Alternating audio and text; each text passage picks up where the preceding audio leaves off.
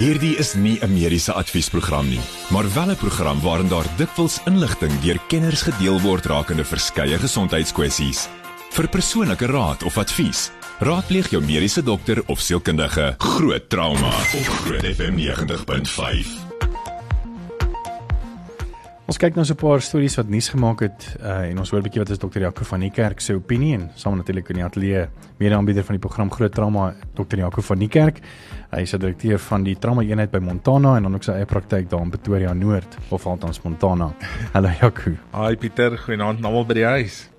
Dit lyk my dalk 'n duur storie hierdie beerdkrag. Ehm um, Wes-Kaapse hospitale bestee omtrent 120 miljoen rand aan diesel en hulle reken Gauteng se kliniek en hospitale omtrent 148 miljoen rand. Ja, Pieter, ek dink dit is 'n ongelooflike groot hap uit die begroting uit wat dan nou net aan diesel spandeer word.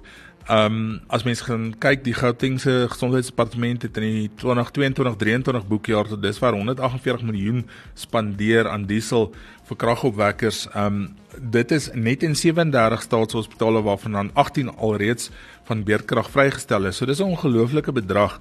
As mens gaan kyk, um daar's 141 um 0.9 miljoen um in die begroting vir diesel vir die hospitale vir die jaar, maar reeds is daar meer as dit spandeer teen die einde Januarie. Um so aan die einde van die dag, wat gaan mense die die res van die 11 maande maak van die jaar? Um so dis 'n dis 'n groot krisis en ek dink as mens net Weskaap en Gauteng bymekaar tel, is dit meer as 168 miljoen rand of 268 miljoen rand wat wat spandeer is. En dis 'n groot bedrag wat dan gespandeer kon word aan instandhouding en of dienslewering en of verbetering van die staatshospitale en ek dink dit is ongelooflik sleg dat mense dit eintlik maar basies in die lug laat opgaan. Ek dink een ding wat my nogal bygeval het is die feit dat weet hoe wat 'n fase ehm um, kan doen aan 'n mens se beursie. Byvoorbeeld weet Kaap het letterlik as ons nou byvoorbeeld op fase 5 is, is hulle op fase 4 en waar ons nou op fase 4 is, is hulle op fase 3.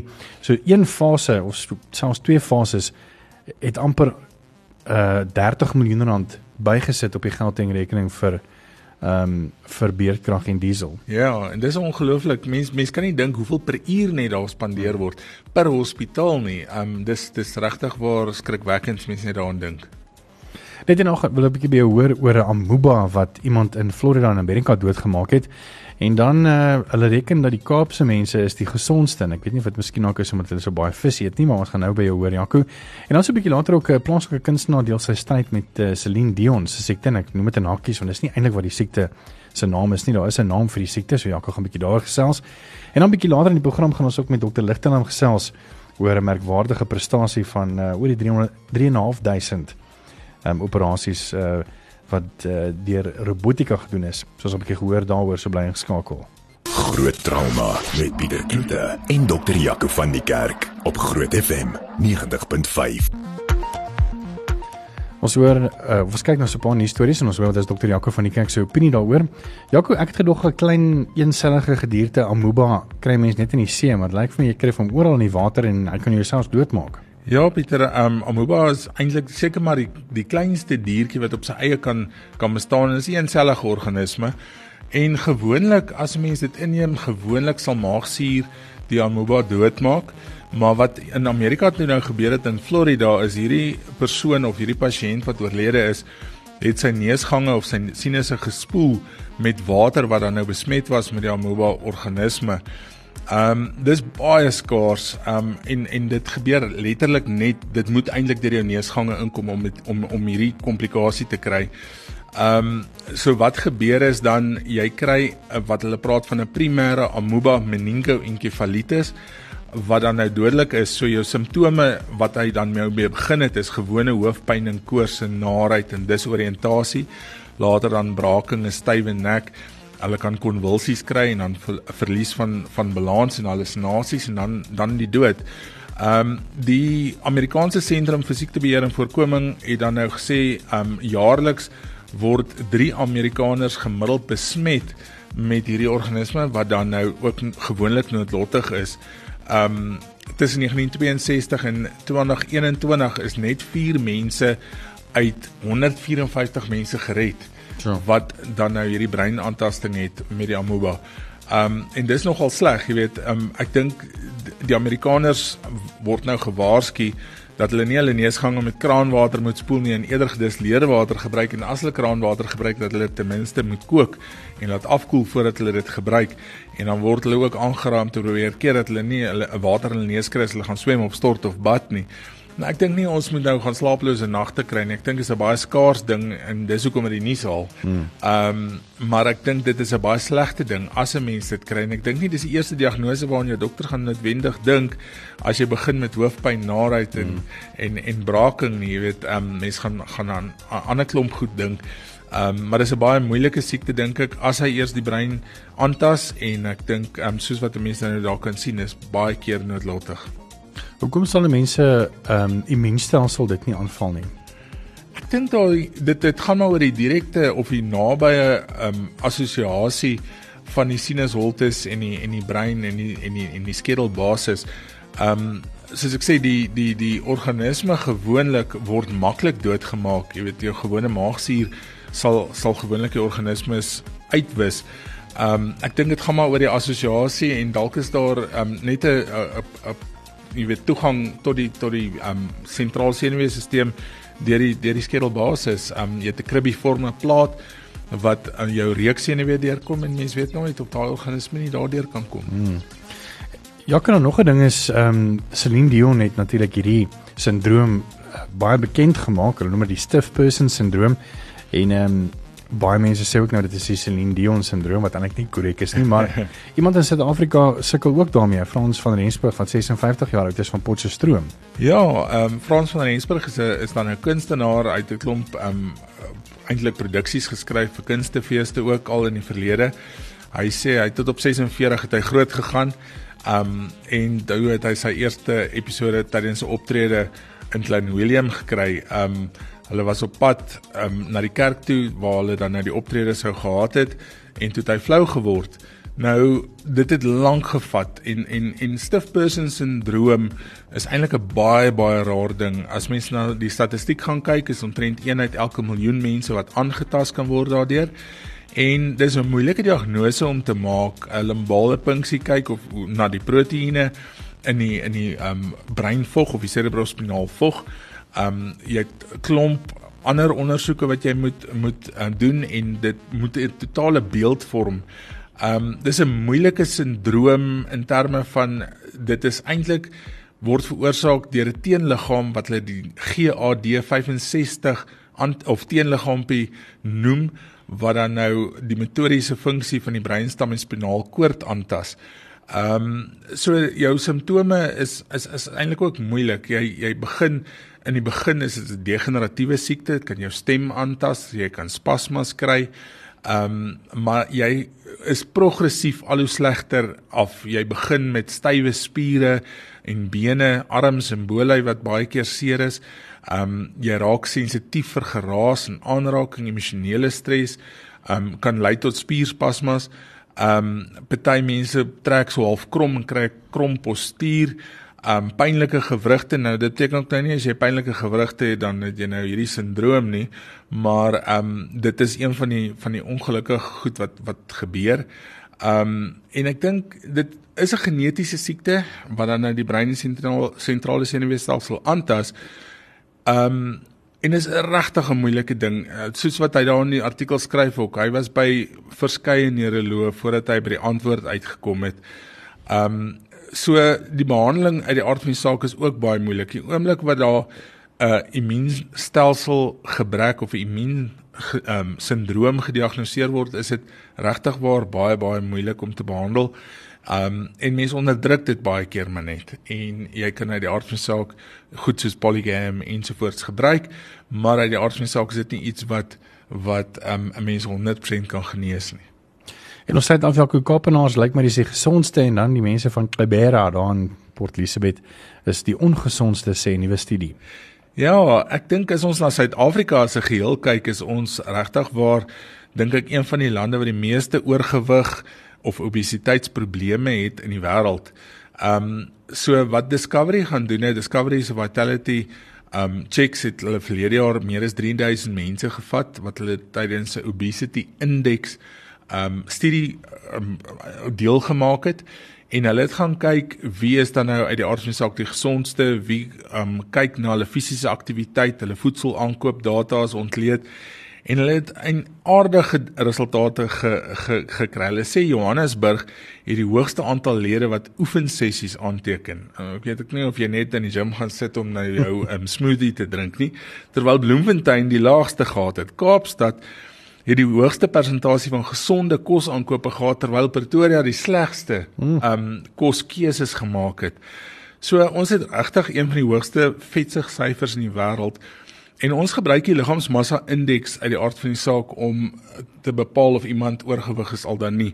Nou dit het ook sy beperkings omdat 'n mens nie eintlik lean mass of jou spiermassa en vetmassa van mekaar kan onderskei nie, want dit is eintlik jou gewig oor jou lengte kwadraat.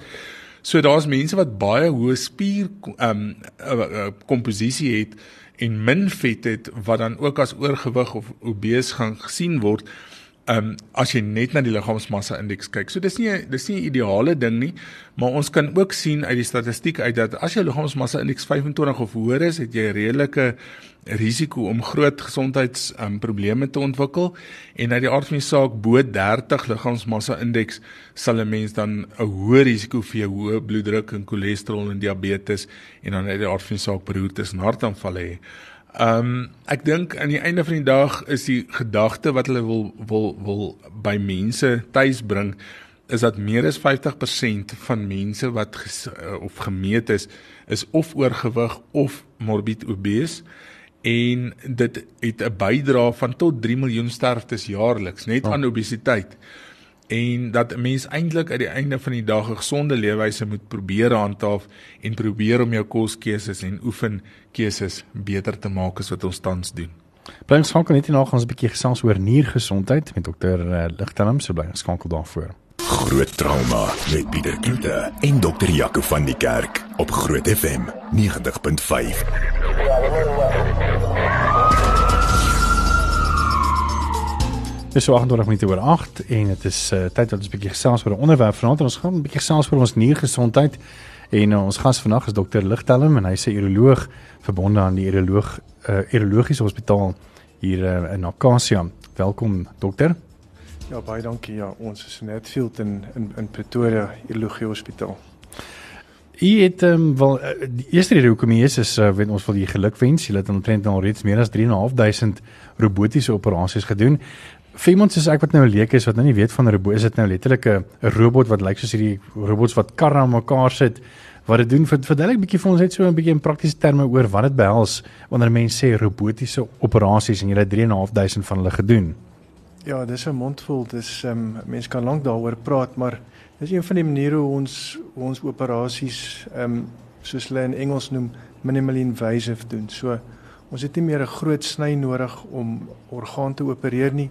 Ons gebruik mikro-insnydings. Ons sit die poorte, ons kry toegang tot die buik. Um, ons doen die meeste prostaatwerk so.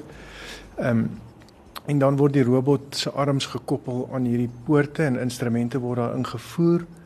Ehm um, mense moet net mooi verstaan is nie die robot wat jou opereer nie, dis nog heeltyd onder die bestuur van van die chirurg wat die wat die wat die instrumente beheer.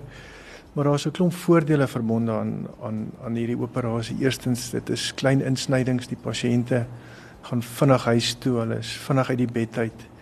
Ons het minder komplikasies en dan die tweede ding is hierdie ongelooflike visie wat jy het van die robot het 'n kameraarm en daai kameraarm gee vir jou ongelooflike visie, so jy kan soveel beter sien. En as jy beter kan sien, kan jy kan jy beter werk doen.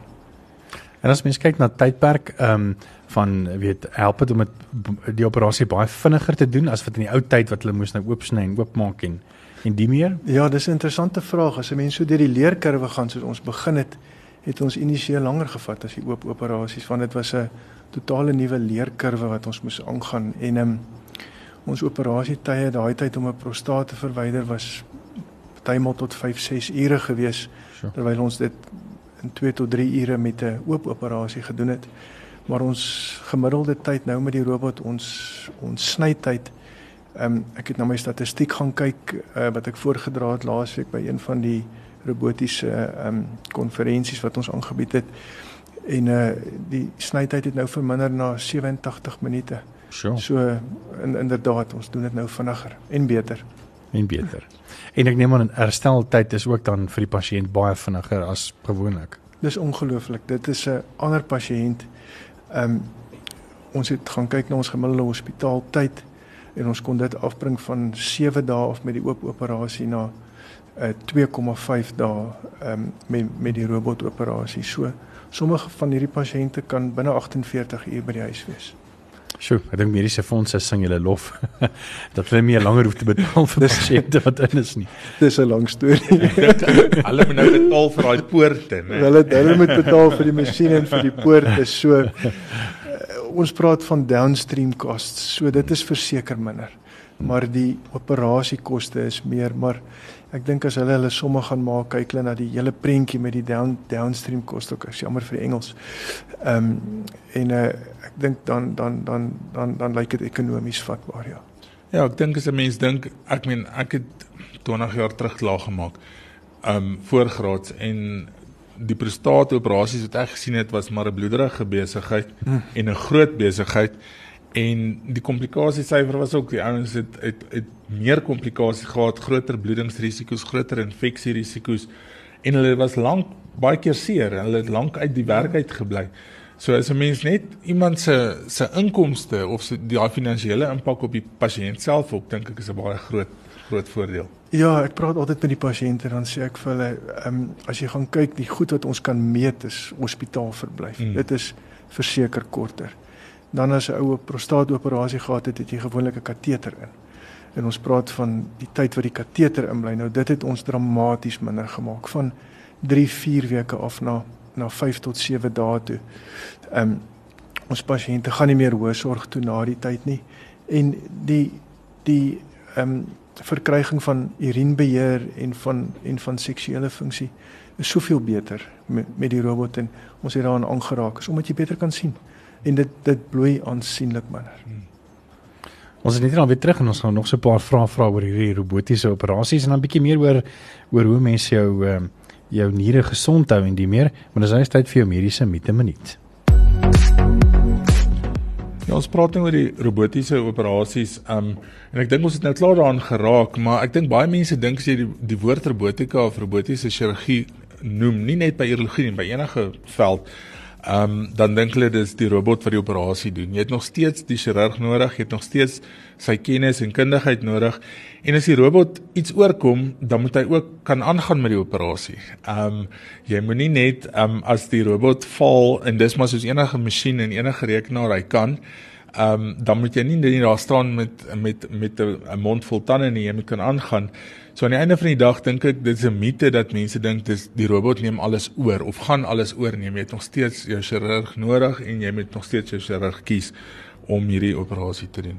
Groot trauma op Groot FM 90.5. Dan aan die einde van die program is dit vra vir Jaco as enige mediese vrae, jy welkom om ons te vra via WhatsApp 061 6104576 onthou standaard tariewe geld. Ons het selfs 'n bietjie oor uh, urologie en uh, dokter Ligtelm is hier so en hulle het 'n prestasie be, um, gedoen dat hulle al reeds meer as 3.500 uh, robotiese operasies gedoen het. En dit is nogal um, ongelooflik om te weet, weet uh, ons nou gesels oor die Jaco kan 'n bietjie net daaroor net so, opsom weet 'n uh, vinniger um, hersteltyd, uh, meer koste-effektief en die meer. Ja, ek dink die komplikasiesyfer is is baie laag en ons het nou van die liggaamvolk gepraat as 'n mens minimum of minimal invasive chirurgie doen dan is jou herstel syfer baie hoër en jou komplikasiesyfer baie laag. En dit bring my my my vraag is ehm um, doen julle dit net vir prostaatkanker of kan jy aan ander urologiese prosedures en en selfs ginekologiese prosedures ook ook doen daarmee met hierdie rekenaar. Ja, jy kan verseker daai operasies ook so doen. Ons hande tot nou toe was nogal gebind geweest deur befondsing. Ehm um, as jy wêreldwyd kyk, uh is prostaatoperasies die grootste volume in urologie, maar ons doen ons het nou begin om befondsing te kry vir nierwerk, so ehm um, vir nierkankers of vir non-funksionele niere waar ons 'n frektomie moet doen um, in Afrikaans beteken dit om die nier te verwyder of soms net 'n gedeelte van die nier te verwyder. Ons doen dit nou um roboties. En dan het ek nou soos ons van die lig af gesels het gisterand 'n kursus bygewoon oor vroulike prolapswerk. um, vrouens wat vers, versakking het van hulle pelvisorgane en 'n uh, daar's dit is 'n baie effektiewe manier om om om daai om 'n sekere groep van daai pasiënte te hanteer. En dit kom ons nou na ons onderwerp toe, um, ons gesels 'n bietjie ook oor nier en nierprobleme. Ek, ek reken ons 'n studie wat gedoen is wat uh, deur die Wêreldgesondheidsorganisasie wat reken 500 miljoen mense wêreldwyd sukkel met kroniese niersiekte. Ja.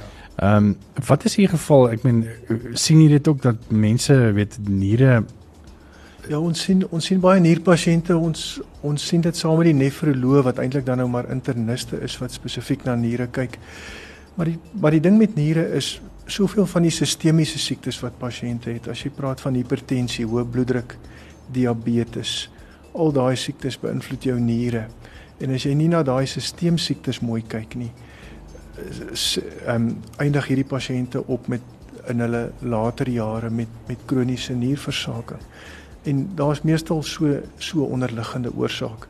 Een van die ander groot oorsake is ook dan nou die die gebruik van geneesmiddels en veral uh, non-steroidale anti-inflammatoriese middels wat 'n wat 'n groot uitwerking op nierfunksie het. Ons gaan net nou 'n bietjie verder gesels daaroor. Hierdie insetsel word geborg deur Caressa Home Nursing Care, die voorsiener van tuisverpleging en verpleging. Ken jy 'n verpleegster of 'n versorger wat gereeld sy of haar pasiënte se lewe verryk of het jy self kennis van 'n versorger deur hierdie persoon? Help ons dan om aan hulle erkenning te gee. Al wat jy moet doen is om 'n geregistreerde verpleegster of 'n versorger te nomineer. Hy of sy moet in Pretoria woon en in die afgelope 2 jaar 'n verskil in iemand se lewe gemaak het. Stuur die nominasie per e-pos na grootverpleegster@caressa.co.za met jou motivering oor hoekom jy hierdie persoon nomineer en hy of sy staan 'n kans om 'n maandelikse finalis te word en uiteindelik in Mei 2023 weg te stap met R30000 kontantprys van Caressa en R20000 se vakansie van Sonja Smit begrafnisdienste. BSN feesgeld. Sedert 2004 is die verpleegkundiges Gerry en Vanessa Skeepers se fokus die tuisverpleging van pasiënte en bejaardes. Indien jy verkies om tuis aan te sterk na hospitalisasie, sal Care by Vanessa jou tuisverpleging met sorg bestuur. Skakel Care by Vanessa by 012 947 9799. Besoek ons op Facebook of by caressa.co.za. Professionele tuisverpleging met deernis. En ons het twee ehm um, voorstelle gekry van nominasies vir Maart, Jaco. Ja, ons eerste voorstel of eerste nominasie kom van Christa Pitter af. Sy wil vir Suster Madeleine Wolfhard nomineer. Madeleine ehm um, werk in die ehm um, kardio intensiewe sorgeenheid by Eugene Maree Hospitaal.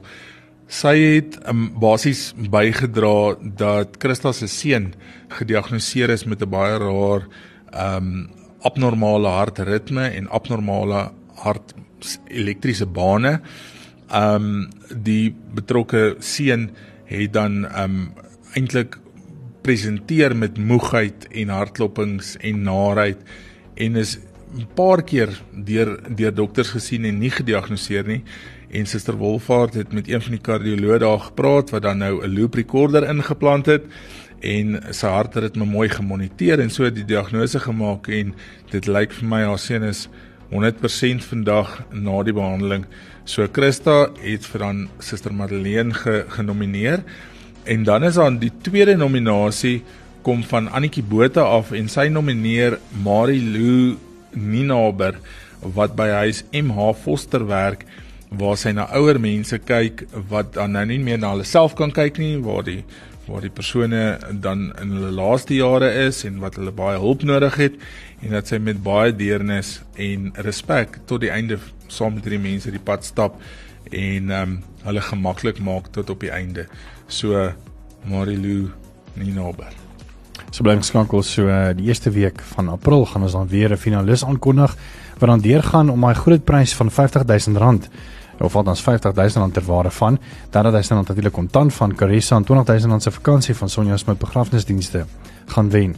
So onthou jou nominasie te stuur per e-pos na grootverpleegster@carissa.co.za. Met die volgende program bo Groot FM 90.5 om jou as luisteraar met die nodige inligting oor 'n spesifieke onderwerp te voorsien. Alhoewel hierdie inligting dikwels deur 'n kenner op die gebied gedeel word, word jy aangemoedig om jou mediese dokter of sielkundige te besoek Vir persoonlike advies of raad, Groot Trauma met Pieter Kloete en dokter Jaco van die Kerk op Groot FM 90.5. En ja, atleet dokter Ligtal, ons gesels 'n bietjie oor nierversaking en nierprobleme. Dokter net gou vanaand, ehm um, hoekom noem hulle kroniese niersiekte as 'n silent killer of 'n silent disease? Kyk in die vroeë fases van van kroniese niersiekte, ehm um, is die meeste pasiënte asymptomaties of hulle het baie vae simptome. Soos dokter van die kerk ook sal weet, hulle miskien voel hulle bietjie moeg of klein bietjie anemies, dalk 'n bietjie bleek, maar die, die simptome is regtig baie vaag.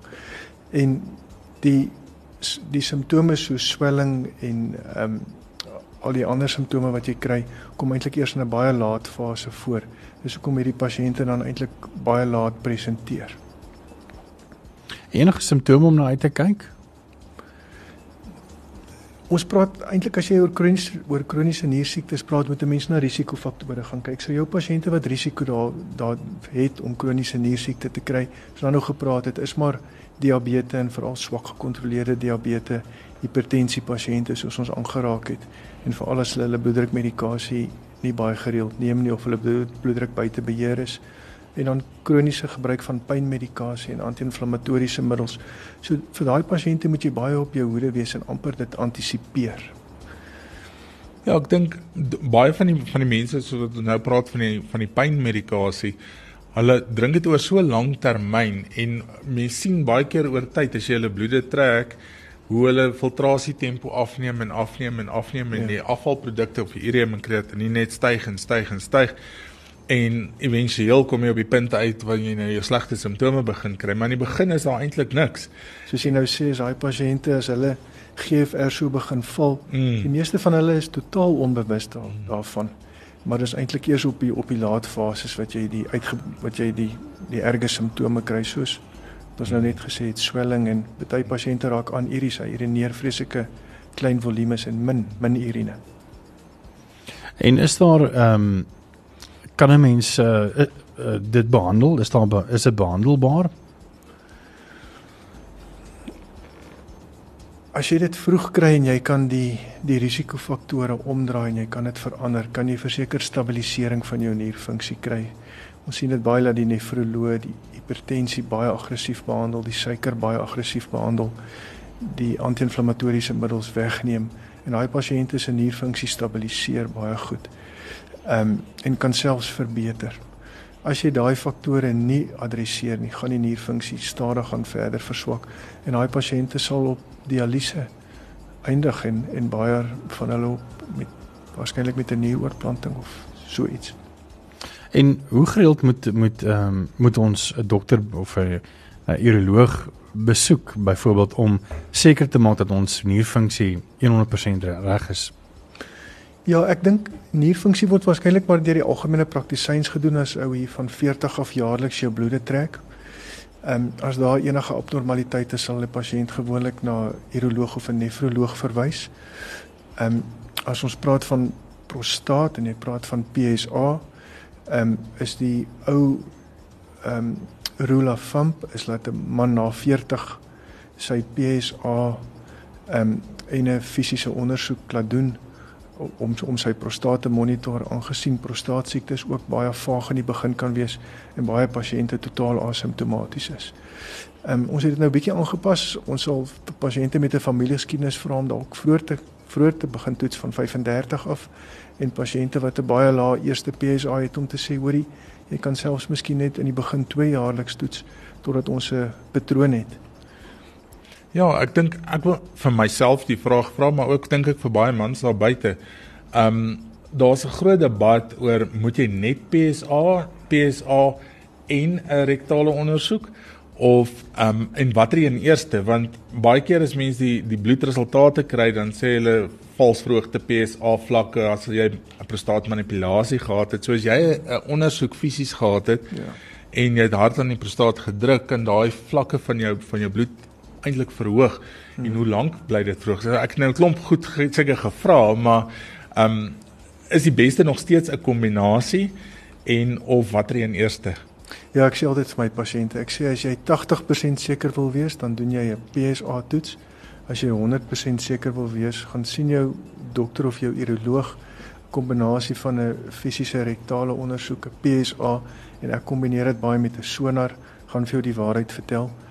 Prostaatmanipulasie kan die PSA effens verhoog. Ehm um, mens moet ek dink 'n ou moet redelik hard druk as jy nie, as jy as jy die PSA regtig hoog wil opstoot, maar ek stuur deesdae vir my pasiënte die PSA briefie sommer voor die tyd. Uh voor die afspraak, dis by ver die beste. Ja. En is daar 'n ding dat ons almal weet ons PSA's gaan oor tyd dalk nou verhoog omdat ons ja. alle man se prostate vergroot oor tyd. Maar sê maar ek weet PSA sê onder 4 is nou fyn. Dis van hierdie jaar 3 en volgende jaar is dit 3.75. Is dit 'n groot ver, verandering? Is daar 'n waarde wat mens nie meer as dit per jaar moet styg gemiddeld nie? Hulle praat van PSA velociteit. Mm. Ons kyk ook na verdubbelingstydperke wat ons wil weet 'n PSA moet nie verdubbel binne 2 jaar. Dis gewoonlik 'n rooi lig wat vir ons aangaan. Ehm um, as jy na absolute waardes kyk omtrent 0,75 per jaar. Ehm um, mense moet ook natuurlik PSA is 'n is 'n heeltemal 'n 'n gesprek, 'n dag se gesprek op sy eie want ou moet PSA en ehm um, maar altyd verifieer. Ek sal nooit 'n PSA in isolasie sien nie. Jy weet jy kan baie keer as jy met die pasiënt praat, sal hy vir jou sê en dit klink of hy dalk 'n bietjie van infeksie simptome gehad het of so om die PSA te herhaal want PSA oor 'n tydperk hmm. vertel vir jou 'n storie, maar ons kyk na daai velositeit verseker.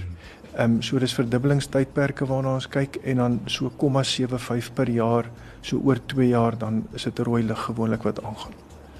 Dr. Ligtenham, uroloog by die urologiese hospitaal in Hatfield. Dis 'n tyd vir vrae vir Jaco en um, ek dink een van die vrae wat deurgekom het wat ek dan sommer aan aan al twee dokters wat hier voor my sit wil vra. Ehm um, die vraag gaan so na dokters as die prostaat verwyder word, wat is die negatiewe uitwerking op 'n man se seksuele funksie? Groete man van Pretoria. ek is bly jy's 'n uroloog. ek het geweet ek gaan daai vraag. Ehm um, ons kan met die robot as jy eerstens as jy oor prostaatoperasies praat, daar's twee tipes prostaatoperasies. Prostaatkanker doen jy 'n totale verwydering. Dis wat ons grootendeels met die robot vandag doen. As jy 'n vergrote prostaat het, doen jy net 'n enucleasie. Jy verklein slegs die prostaat, so jy hol die binnekant uit. En daar daar's 'n verskeidenheid tegnieke wat ons gebruik daarvoor. As jy oor die kankerprosedure praat waar jy die totale verwydering doen, ons kan die neurovaskulêre bondel nou met die robot baie mooi spaar. Dis nie altyd moontlik nie. Ehm um, as jy uitgebreide kanker het of 'n gevorderde kanker en hy steen die senuweebondel, moet jy die senuweebondel vat. Dit help nie jy los kanker agter uh ter wille van 'n senuweebondel nie. Ehm um, maar ons het baie goeie herwinning van ons seksuele funksie. Ehm um, dis verseker nie 100% nie en in die meeste pasiënte is die ereksie waarskynlik nie heeltemal so goed soos wat dit was nie. Maar ons het ons het nogal baie goeie syfers om om om dit te staf. Ehm um, as ons nou praat van die volledige verwydering met die gedeeltelike verwydering of die verkleining van die prostaat se seksuele funksie baie goed want jy bly binne in die kapsel van die prostaat so jy kom nie naby die neurovaskulêre bondels nie. So right dit. Baie dankie. En net op Dr. Ligtenham en Dr. Jaco van die kerk. Baie dankie vir julle tyd vanaand. Dankie. Baie dankie Pieter. Groot trauma met Pieter Kloete en Dr. Jaco van die kerk op Groot FM 90.5.